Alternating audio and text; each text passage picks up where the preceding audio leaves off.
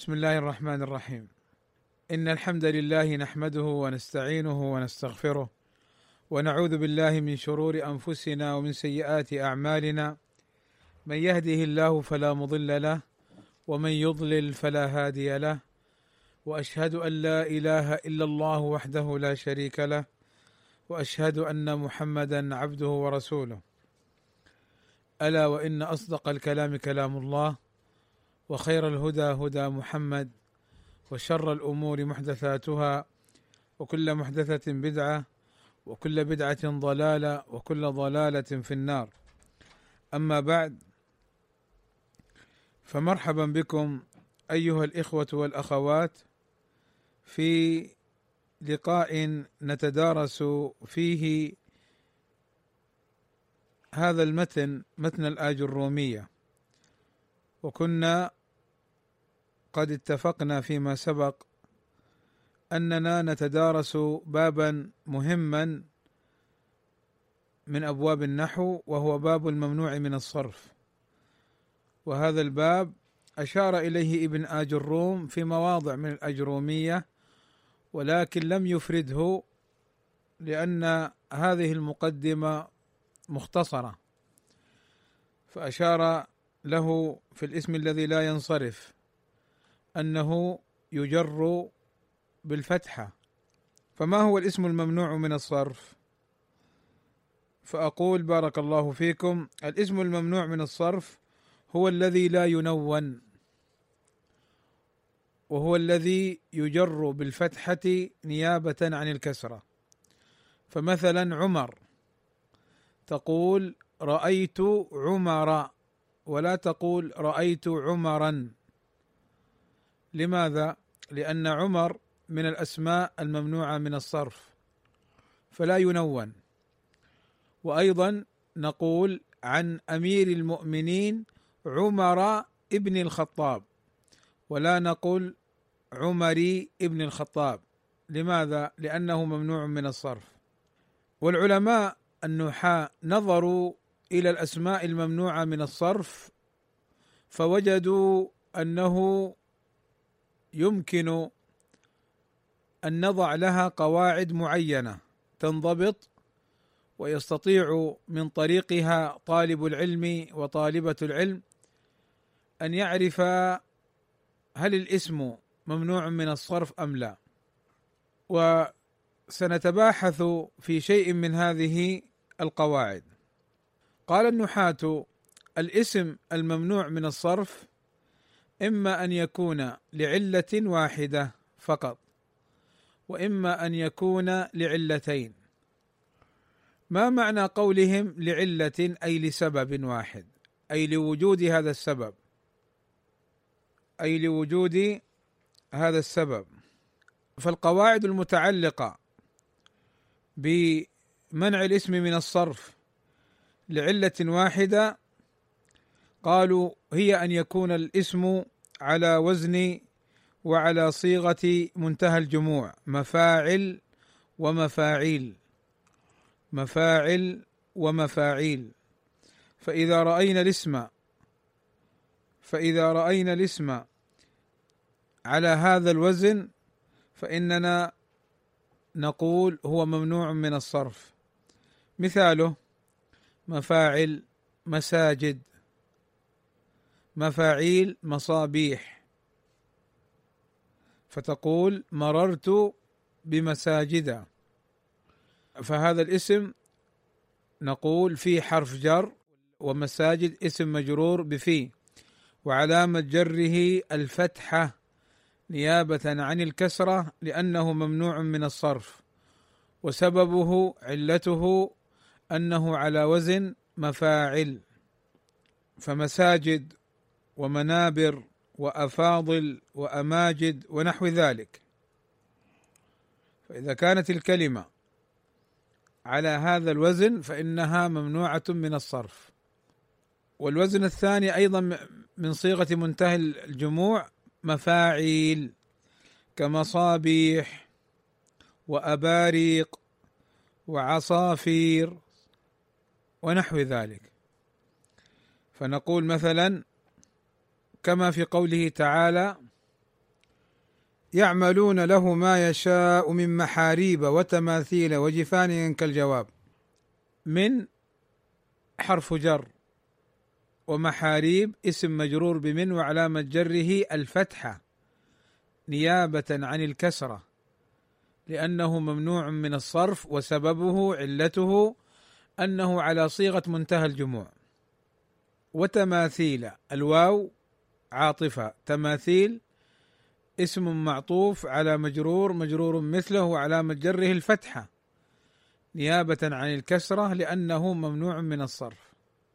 إذا هذه القاعدة الأولى في الممنوع من الصرف لعلة واحدة. القاعدة الثانية في الممنوع من الصرف لعلة واحدة أن يكون الاسم آخره ألف مقصورة. مثل حبلى وقصوى ودنيا ونحو ذلك فإن الاسم يكون ممنوعا من الصرف. تقول رأيت حبلى ولا تقول رأيت حبلا. وتقول مررت بحبلى. مر فعل ماضي والتاء تاء الفاعل والباء حرف جر. وحبلى اسم مجرور بالباء وعلامة جره الفتحة المقدرة على آخره والفتحة نيابة عن الكسرة لأنه ممنوع من الصرف ما السبب؟ لأن آخره ألف مقصورة القاعدة الثانية أو الثالثة عفوا في الممنوع من الصرف لعلة واحدة إذا كان آخر الاسم ألف التأنيث الممدودة مثل أصدقاء وعلماء وحمراء وحسناء فإن الاسم إذا كان آخره ألف التأنيث الممدودة وهي ألف بعدها همزة فإنه يمنع من الصرف. تقول مررت بأصدقاء. الباء حرف جر وأصدقاء اسم مجرور وعلامة جره الفتحة نيابة عن الكسرة. لأنه ممنوع من الصرف لعلة واحدة لسبب واحد. ما هو؟ أن آخر الاسم ألف التأنيث الممدودة. هكذا نكون قد انتهينا من قواعد الممنوع من الصرف لعلة واحدة. ويأتينا الممنوع من الصرف لعلتين. يعني لا بد أن يتوفر في الاسم الممنوع من الصرف أمران. الأول العلمية مع أسباب أخر. والثاني طبعا العلمية مع أسباب أخر هذا قسم. الممنوع من الصرف لعلتين قسمان. إما ممنوع للعلمية مع أسباب أخرى هذا قسم. وإما ممنوع للوصفية مع أسباب أخر وهذا قسم وسيأتي كل منهما. ما معنى العلميه القسم الأول؟ يعني كونه علما على على الشيء. مثل عمر علما على شخص. وزحل علم على كوكب. هذا معنى العلميه فلا بد أن تكون الكلمة علما على شيء. مع أسباب أخر فمن هذه الأسباب في العلميه التأنيث بغير ألف. يعني مثلا أسامة مكة فاطمة. فهذه مؤنثة بتاء التأنيث. فنقول مثلا مررت بأسامة. مر فعل ماضي والتاء تاء الفاعل والباء حرف جر. وأسامة اسم مجرور وعلامة جره الفتحة نيابة عن الكسرة لأنه ممنوع من الصرف. لعلتين ما هما؟ العلة الأولى العلمية الإسمية. العلة الثانية أنه مؤنث بغير ألف. هذه قاعدة. القاعدة التالية العلميه والعجمة يعني كون الكلمة علما على شخص وكون الكلمة في أصلها من العجمة. مثلا إسماعيل إبراهيم يعقوب. فهذه كلمات أعجمية. فتقول مررت بإبراهيم وإسماعيل ويعقوب. الباء حرف جر وإبراهيم اسم مجرور بالباء وعلامة جره الفتحة. نيابة عن الكسرة. لأنه ممنوع من الصرف لعلتين لسببين. العلة الأولى العلمية. العلة الثانية العجمة. كون الكلمة كون الكلمة أعجمية. القاعده التالية في العلميه العلميه والتركيب.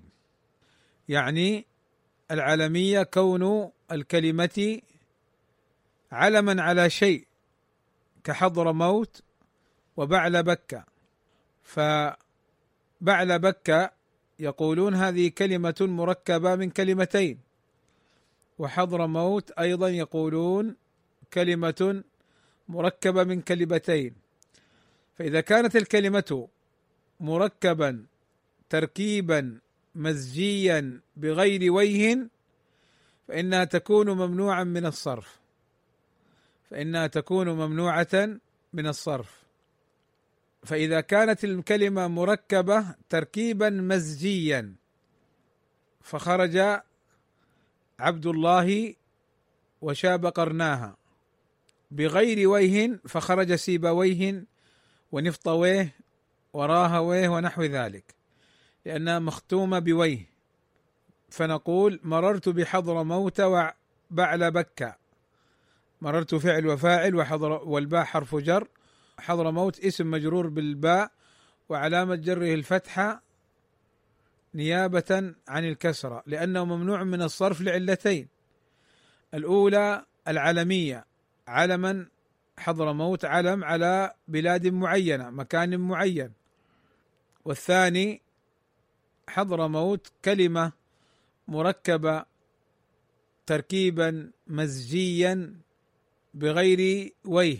مختومة بغير ويه ومعنى قولهم تركيبا مزجيا أي تصبح الكلمتان في قوة الكلمة الواحدة. تصبح الكلمتان في قوة الكلمة الواحدة. طيب. أيضا من القواعد المتعلقة بالعلمية يمنع من الصرف للعلمية أيضا زيادة الألف والنون. زيادة الألف والنون في العلم.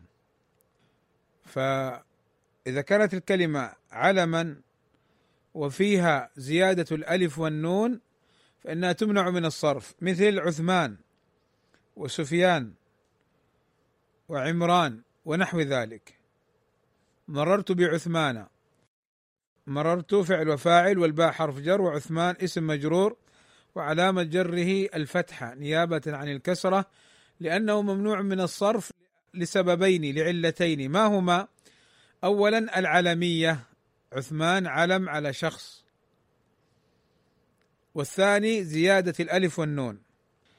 أيضا من قواعد الممنوع من الصرف لعلتين في باب العالمية أن يكون على وزن الفعل أن تكون الكلمة على وزن الفعل مثل يزيد. فيزيد قد تكون علما للشخص وقد تكون فعلا. على حسب الاستعمال. فإذا كان الاسم على وزن الفعل يزيد يفعل وأحمد أح أفعل ونحو ذلك فإنها تكون ممنوعة من الصرف. مررت بأحمد ويزيد. مررت فعل وفاعل والباء حرف جر وأحمد اسم مجرور بالباء وعلامة جره الفتحة نيابة عن الكسرة لأنه ممنوع من الصرف. لعلتين لسببين. ما هما؟ العلمية وكون الكلمة على وزن الفعل. والقاعدة التي تليها في العلمية أيضا أن تكون الكلمة علما زائدة أن تكون على وزن فعل كعمر وزحل وزفر ونحو ذلك. فإنها ممنوعة من الصرف لعلتين لسببين. الأول كونها علم فعمر وزفر علمان على شخصين وزحل علم على الكوكب. فيمنع لهذين السببين. اذا هذا القسم الأول أتينا على أكثره. يبقى معنا القسم الثاني وهو الوصفية. ما معنى الوصفية؟ كونه وصفا. مثل حمراء ومثل شبعان فالوصفية زائدا أحد الأسباب التاليات تمنع الكلمة من الصرف فمن قواعدها إذا كانت الكلمة وصفا مع زيادة الألف والنون مثل ماذا؟ مثل شبعان وسكران وعطشان ونحو ذلك فتقول مررت بشبعان مر فعل ماضي وتاء الفاعل والباء حرف جر وشبعان اسم مجرور بالباء وعلامة جره الفتحة نيابة عن الكسرة. لماذا؟ لأنه ممنوع من الصرف. ما سبب منعه من الصرف؟ علتان سببان. الأول أن شبعان وصف. والثاني زيادة الألف والنون. شبعان. أيضا الوصفية زائدة أو بالإضافة إلى وزن الفعل. مثل أكرم وأفضل وأجمل. فإذا كانت الكلمة وصفا وهي على وزن الفعل منعت من الصرف. فنقول مررت بأكرم. الباء حرف جر وأكرم اسم مجرور وعلامة جره الفتحة نيابة عن الكسرة لأنه ممنوع من الصرف لعلتين لسببين.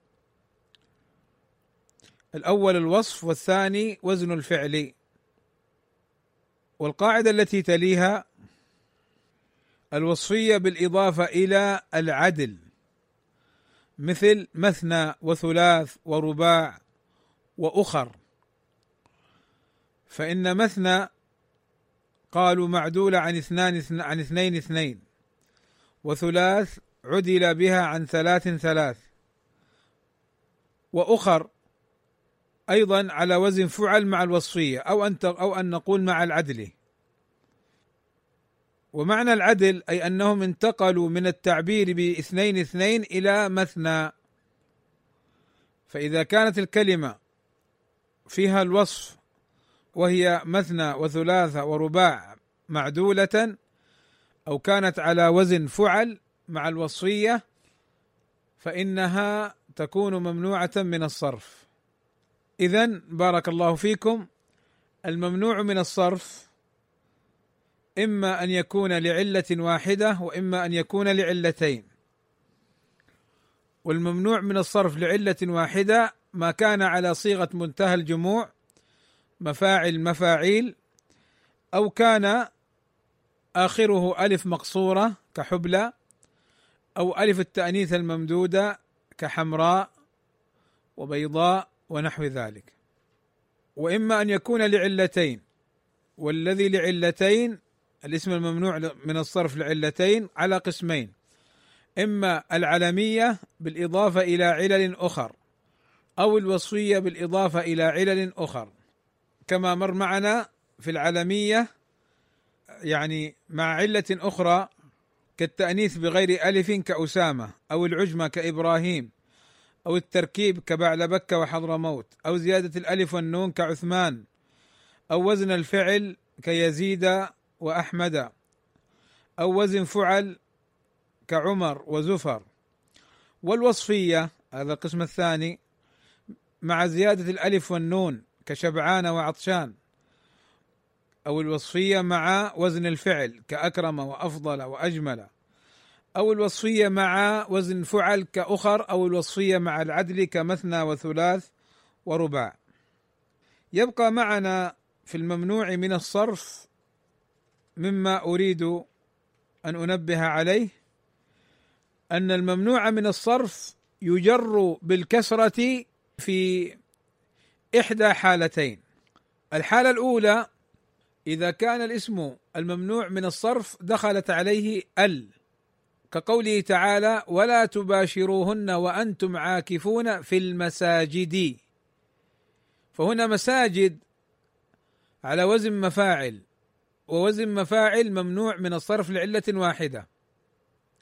ولكن نجد أن الكلمة جرت بالكسرة. لماذا؟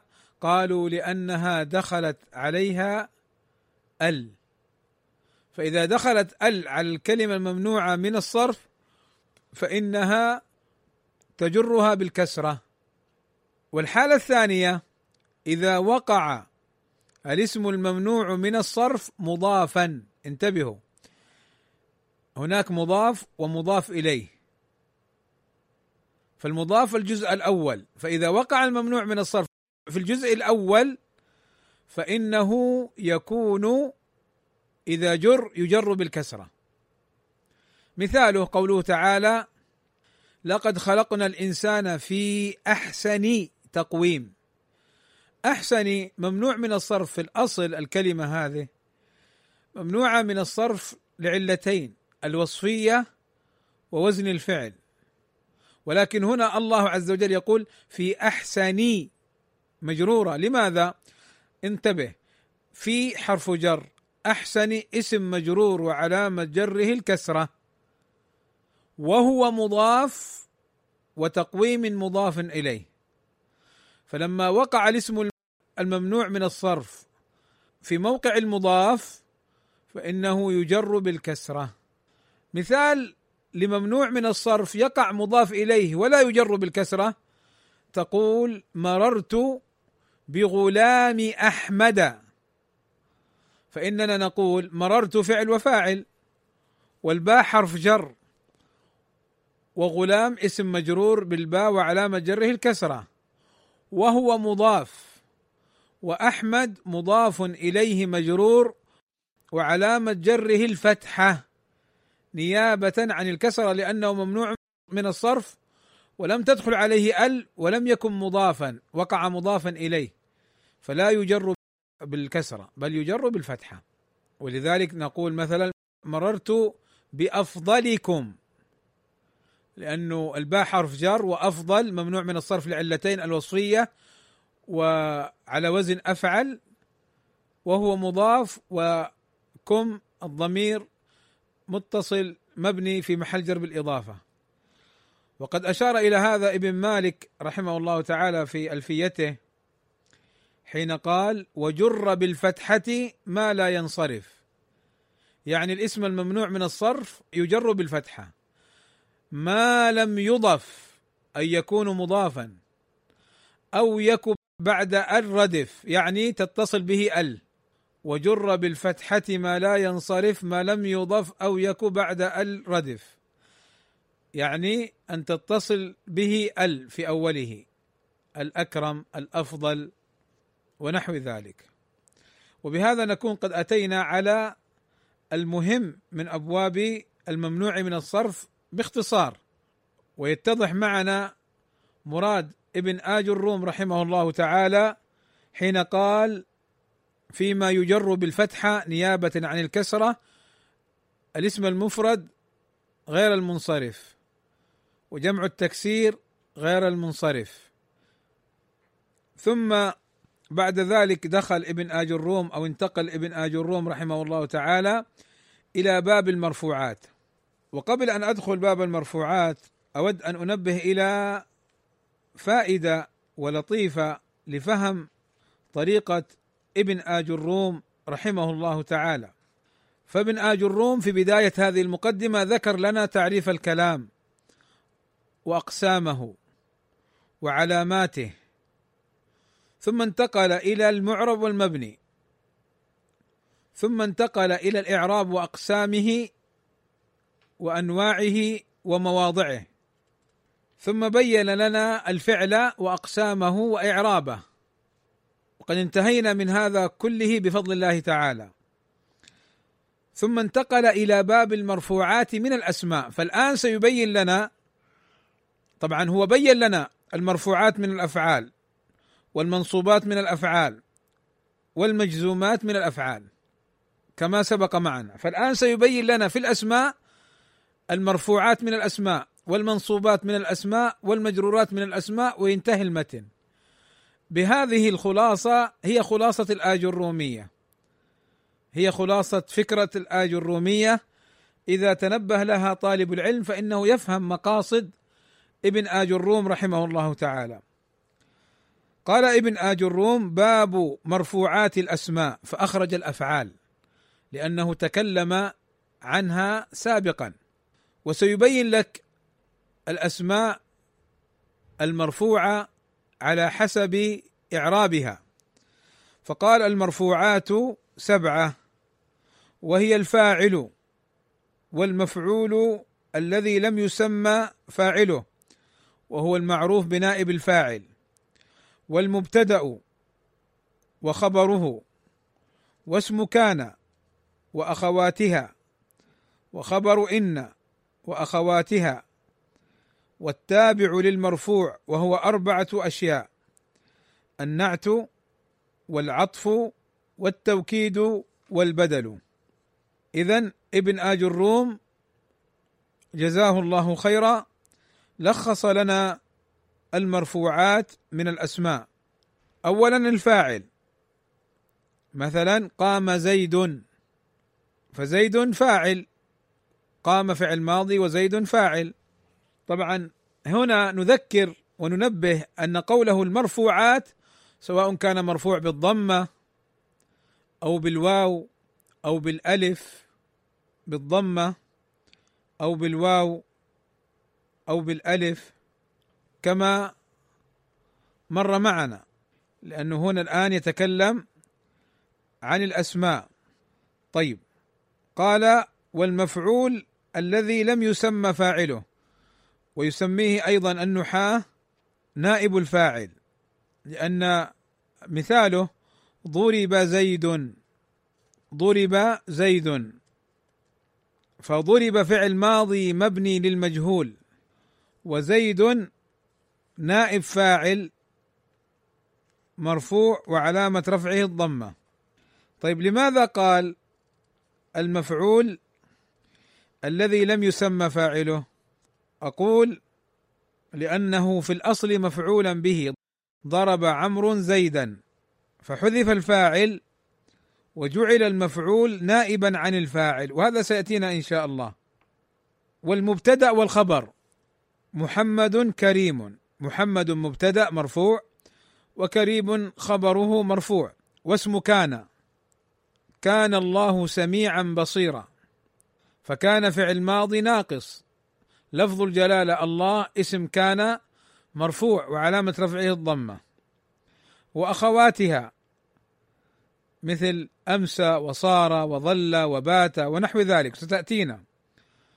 وخبر إن وأخواتها إن محمدا مجتهد إن حرف نصب. ومحمد اسم إن منصوب وعلامه نصبه الفتحة. ومجتهد خبر إن مرفوع وعلامه رفعه الضمة. وأخواتها مثل لعل وليت وكأن ونحو ذلك وستأتي. والتابع للمرفوع يعني الذي يتبع إعراب المرفوع وهو أربعة أشياء. النعت الصفة. جاء زيد الكريم الكريم صفة لزيد يتبعه في الإعراب. والعطف جاء زيد ومحمد. طيب والتوكيد جاء زيد نفسه والبدل جاء زيد أبو عبد الرحمن فكنيت زيد أبو عبد الرحمن. هذه المرفوعات من الأسماء وسيتعرض لها ابن آج الروم رحمه الله تعالى بابا بابا ولعلي أكتفي بما سبق.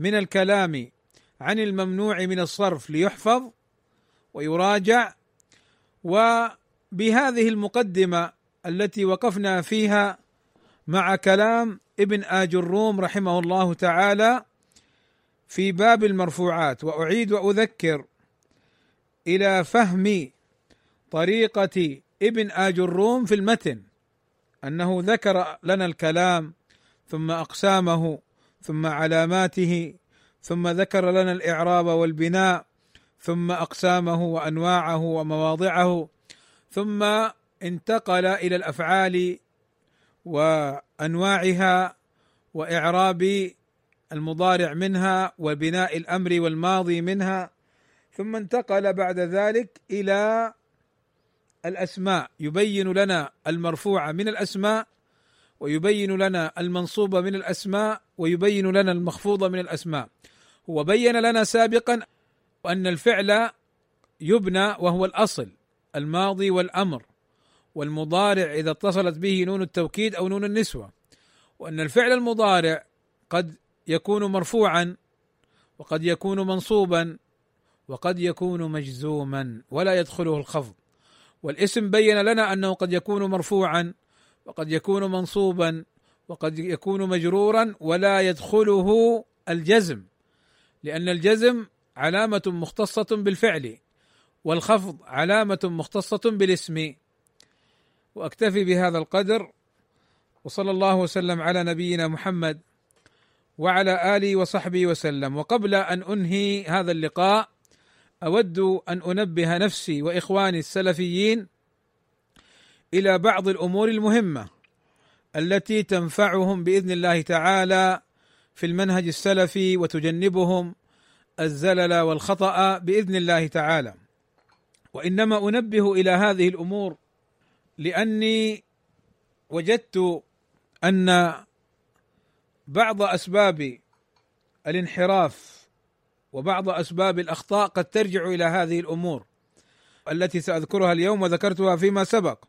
ولذلك على السلف أن يكون منقادا للحق ولا يقول قال فلان وقال فلان كما قال ابن عباس رضي الله عنهما يوشك أن تنزل عليكم حجارة من السماء أقول لكم قال الله قال رسوله وتقولون قال أبو بكر وقال عمر. أقول من هنا سأنبه على خطأ يقع فيه كثير من الشباب السلفي للأسف الشديد. وهذا الخطأ أنه إذا رددت عليه قول بعض العلماء ممن يصفونهم بالأكابر انتفض ورفض هذا الكلام منك وغضب ولا يقبل. كيف ترد على العالم الفلاني؟ وأنت بردك عليه تطعن فيه. يعني قد تخطئ بعض الأئمة كأحمد والشافعي ومالك ولا يغضب. قد تبين أن قول الصحابي رضي الله عنه يعني في مسألة ما لا يعمل به ولا يقبل كما قال ابن عباس في الأثر السابق ولا يغضب. لكن إذا قلت له معظمك فلان أخطأ غضب. طبعا قد يكون هذا العالم هو عالم كبير مثل الشيخ ربيع مثلا. وقد يكون معظمه من الشباب طلاب العلم ولكن هو يراه أنه من العلماء ومن كذا الذين لا يرد عليهم. وهذا خطأ يا أخي انتبه.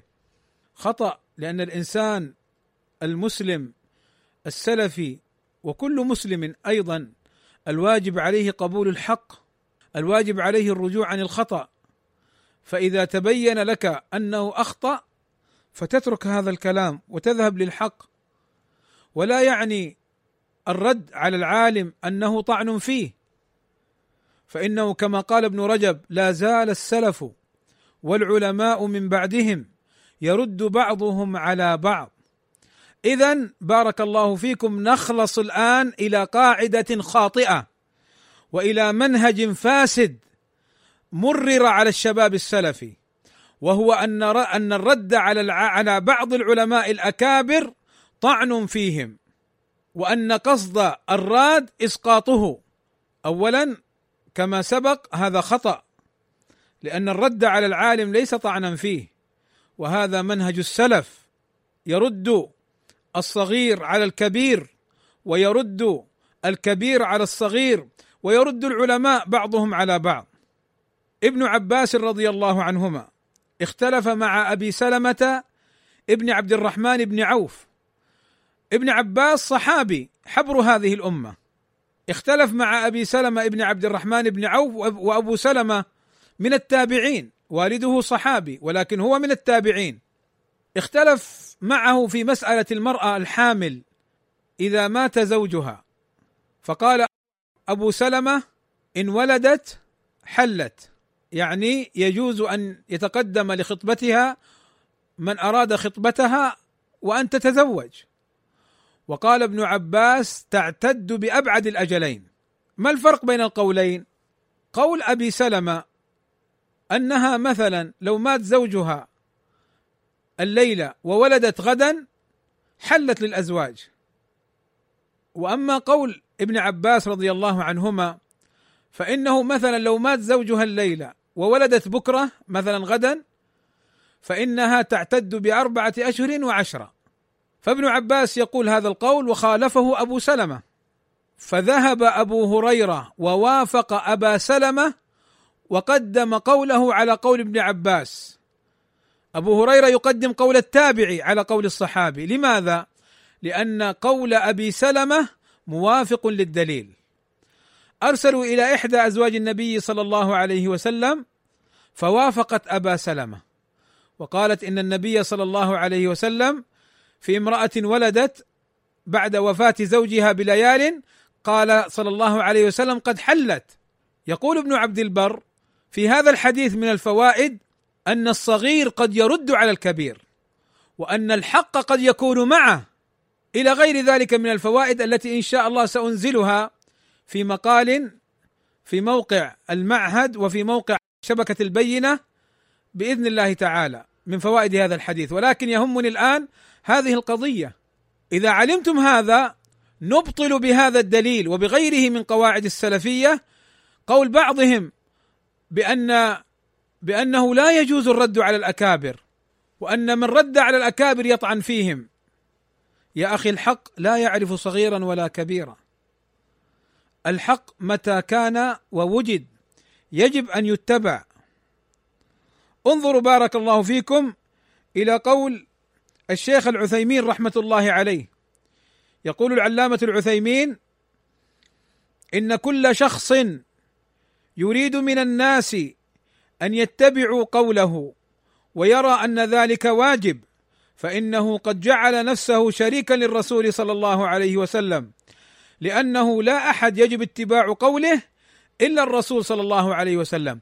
انتهى. أقول هؤلاء الذين يقولون أكابر أكابر أكابر ولا ترد على الأكابر يريدون أن ينزلوا الأكابر منزلة الرسول صلى الله عليه وسلم في وجوب الاتباع في كل قوله. وكل يؤخذ من قوله ويرد إلا رسول الله صلى الله عليه وسلم. فبارك الله فيكم إخواني وأخواتي انتبهوا لهذا المكر الكبار يريدون أن يمرروا الباطل بمثل هذه القواعد. فيريدون أن يتبعهم السلفيون بأن قولنا قال به فلان من الأكابر. لا يا أخي القول القول الذي عليه الدليل هو الذي يجب أن يتبع. وهذا القول أيضا أعني قول ابن رجب وابن عبد البر وابن عثيمين وغيرهم من أهل العلم أقول هذا القول يبطل قاعدة باطلة أخرى وهو أن القول إذا صدر من عالم لا تعرفه أيها الغر. يقول لك من فلان؟ يعني الآن الحق من فلان وابن فلان ولا الحق من حيث أن الدليل عليه الشيخ الفاضل العلامة الشيخ خالد بن عبد الرحمن المصري. جزاه الله خيرا. قال كلمة مهمة في بيان خطورة المجالس السرية الخارجية البدعية. كلمة موثقة بالدليل والشيخ خالد معروف. نجد بعض الناس يقول من خالد هذا؟ كيف تقبلون قوله؟ كيف نقبل قوله؟ اولا الشيخ خالد علم من أعلام مصر ومعروف بعلمه وسلفيته. كونك تجهله فهذا قصور فيك ولا يلزم أن تعرف كل أحد. ولكن قوله مبني على الدليل فإن كنت طالب علم وقفت على قوله فالواجب أن تنصر الدليل. لا لأنه قول فلان ولا فلان ولكن لأنه الحق. فبارك الله فيكم. تنبهوا لهذه الأساليب الماكرة. يردون بها الحق ويقررون به الباطل. أيضا مما سبق أخلص أنبه إلى قضية مهمة وهي حصول الغلو في تعظيم الشيوخ. نعم نحن نحب العلماء ونحترمهم ونقدرهم وننزلهم منازلهم ولكن يحصل غلو من بعض الناس. هذا الغلو له صور. فمن صور الغلو في المشايخ أن بعضهم يقبل قول الشيخ ويقول خلاص ما دام فلان قال كذا فهو الحق. من غير أن يعرف دليله من غير أن ينظر في دليل الطرف الآخر هذا خطأ هذا غلو. إن كنت مقلدا جاهلا لا تعرف الحق ولا تميزه واتبعت هذا العالم أو قلدته فلك أن تقلده في نفسك في نفسك أنت في خاصة نفسك. ولكن ليس لك أن تخطئ غيرك وأن تدعو الناس إلى تقليد هذا العالم. ومن صور الغلو في العالم أو في الشيخ أن يكون هذا الشيخ أصلا ما هو عالم كبير. يكون من يعني بعضهم من مخلفات الجماعات ومن تربية الجماعات ومن رجيعها. وبعضهم يكون ممن ينسق دورات ويتصل بالمشايخ للدورات ثم صار شيخا. فيعظم ويرجع لقوله ويستفتى. والله هذا خطر خطر على دينكم. وتسألون عند الله يوم القيامة لأن هذا الذي رجعتم إليه لا يستحق هذه المنزلة. أنتم غلوتم فيه. قد يقول قائل يا أخي طيب قد يكون كلامه صحيح. هنا البلوى وهنا المصيبة وهنا التعليق. بمعنى أننا وجدنا هؤلاء الذين تعظمونهم لا يعرفون الحق من الباطل وينصرون الباطل ويخذلون الحق فتعظيمكم لهم وغلوكم فيهم أدى إلى هذا الأمر.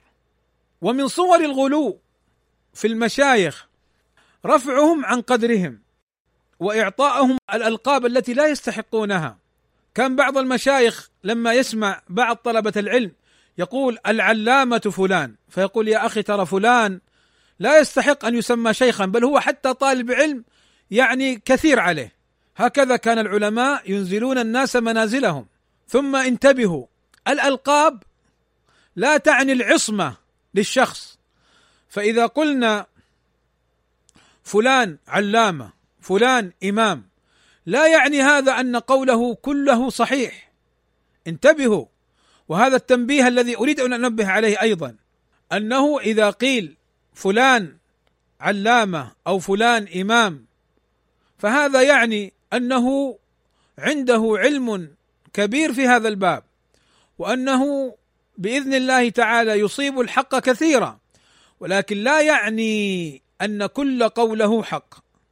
انظروا بارك الله فيكم إلى قول الشيخ ربيع حفظه الله تعالى يقول قد يكون إماما في فن من الفنون فتوجد له كبوات يعني أخطاء في فنه.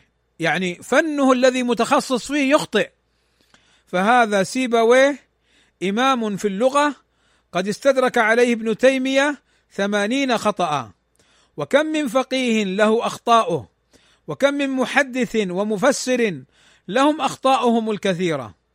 فإذا بارك الله فيكم يجب أن نفهم مقصود العلماء ومرادهم حينما يقولون فلان علامة. فلان إمام في الجرح والتعديل. فلان إمام مثلا في التفسير. ما معناه معناه أنه متخصص في هذا الفن وأنه موفق أو يصيب الحق غالبا. ولا يعنون ابدا. ولا يعنون ابدا أن كل قوله حق. انتبهوا. انتبهوا. وكذا لو قيل فلان من الأكابر. فليس معناه أن كل قوله حق. فبارك الله فيكم. هذه من الأمور التي أدت إلى وقوع بعض الشباب في مزالق وفي بعض الأمور التي يعني وقع فيها الشباب. فإذا بارك الله فيكم. هذه الأمور التي تدارستها معكم أمور مهمة. فالعالم يخطئ ويصيب.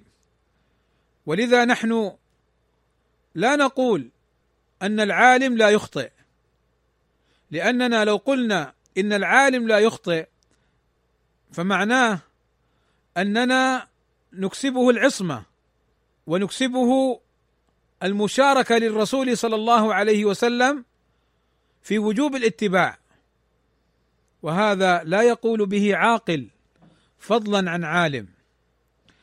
وأختم هذه الكلمة بتنبيه أيضا على خطأ يتكرر من بعض الإخوة وهو يخالف منهج السلف الصالح رضوان الله عليهم أجمعين. وهذا أننا نسمع من بعض الإخوة بل بعضهم يطالب أنه يستأذن الشيخ في كل شيء يفعله. إذا أراد أن يقيم دورة استأذن المشايخ. إذا أراد أن يذهب ويدرس استأذن المشايخ. هل المشايخ وافقوا على فتح معهد؟ هل المشايخ وافقوا على كذا على كذا؟ نقول يا أخي ما مرادك باستئذان المشايخ. إن كان من باب المشورة إن كان من باب المشورة في الأمور الظاهرة فلا مانع أن تستشير العلماء وطلاب العلم لمعرفة الأفضل والأحسن. ولكن من باب أنك تستشيره فإن أشار لك بفعل الشيء أو بتركه يجب عليك أن تلتزم بقوله وأنه يجب عليك أن تستشيره قبل أن تفعل كل شيء فنقول له قف عند حدك. فإن هذا من خصائص الحاكم لا من خصائص العالم. فالحاكم هو الذي يستأذن في مثل هذه الأمور ويلزم قوله. وأما العالم فيستشار من باب الأفضل لا من باب الوجوب ولا من باب الإلزام. حتى بعضهم يجعل من الطعن في الشيء أنه لم يستشر العلماء. يا أخي ما نحتاج استشارة العلماء في الحق؟ ما نحتاج مراجعة العلماء في الأمور الظاهرة. إلا إن قصدت إن العلماء ولاة أمر يتصرفون كالحاكم فلهم الأمر ولهم النهي فنقول قد أخطأت. لأن هذا من خصائص الحاكم. يعني بعضهم حتى إذا أردت أن تسافر يقول لك هل استأذنت الشيخ الفلاني في سفرك؟ الحقيقة انه هذا كله يدل على خطأ شنيع. في تنزيل العالم منزلة الحاكم. فالحذر الحذر يا إخواني من هذه المسالك الخارجية البدعية حقيقة. وإن وقع فيها بعض السلفيين دون قصد لأن السلفي يريد الحق ولكنه غير معصوم عالما أو متعلما صغيرا أو كبيرا يخطئ ويصيب. فهذا من الخطأ الذي وقع للأسف من بعض الشباب السلفيين بل وللأسف حتى من بعض أهل العلم. فتجده ينكر على من سافر لإقامة دورة علمية شرعية كيف تسافر من غير أن تستأذني؟ هذا خطأ. لا يجب علي أن أستأذنك. ولست أنت مسؤولا عني في هذه الأمور. نعم لو أخطأت ووقعت في خطأ كأن أدرس كتب أهل البدع. أو مثلا أخطأت في مسائل علمية. أو نحو ذلك فلك أن تنكر علي من هذه الجهة من جهة الخطأ. أن فعلك هذا خطأ. أما كوني أفعل امرا مشروعا لا أخالف فيه الحق. وتجعله ممنوعا لأنه لم يكن عن طريقك. أيها العالم أو أيها الطالب للعلم فهذا خطأ. فافهموا بارك الله فيكم. هذه الأمور واحذروا من مزالق الشيطان. واحذروا من مواضع الافتتان. واحذروا بارك الله فيكم من أولئك المتصدرين الذين يمررون هذه المناهج الفاسدة والأساليب الكاسدة. والطرق الخفية الخبيثة فإن هؤلاء لهم اجتماعات سرية ولهم تنظيمات لهذه الاجتماعات ولذلك لا يستغرب الواحد منا لما يرى كيف يتكالبون واحد في اليمن والثاني في السودان والثالث في مصر والرابع من جهة فلسطين كلهم ينزلون انتقادات وبيانات في رد الحق تنظيم. هم في موطنهم لا يستطيعون أن يفعلوا هذا لأننا بفضل الله عز وجل في هذه الدولة في المملكة العربية السعودية ولاة الأمر يمنعون مثل هذه التصرفات ولذلك هم يفعلونها في خفاء وفي سرية ولا يرتضون تسجيلا ولا كتابة ولا نقلا معلنا وهذا علامة الضلالة. تاسيسا وتربية وتاكيدا. أسأل الله أن يحفظني وإياكم من هذه الفتن ما ظهر منها وما بطن. وأسأل الله عز وجل أن يحفظ السلفية والسلفيين من مكر هؤلاء الخبثاء الذين يسعون لتدمير السلفية. ما من عالم ولا طالب علم سلفي إلا ويسعون في ضربه وإسقاطه. وما من متردية ورجيع جماعات ومخلفاتها إلا وينصرونه ويتباكون في نصره. وانصر أخاك ظالما أو مظلوما. ويعني من هذه العبارات والاستدلالات ببعض الأحاديث النبوية في غير موطنها. فإنهم يريدون نصرة الظالم وظلم المظلوم. هذا حقيقة أمرهم.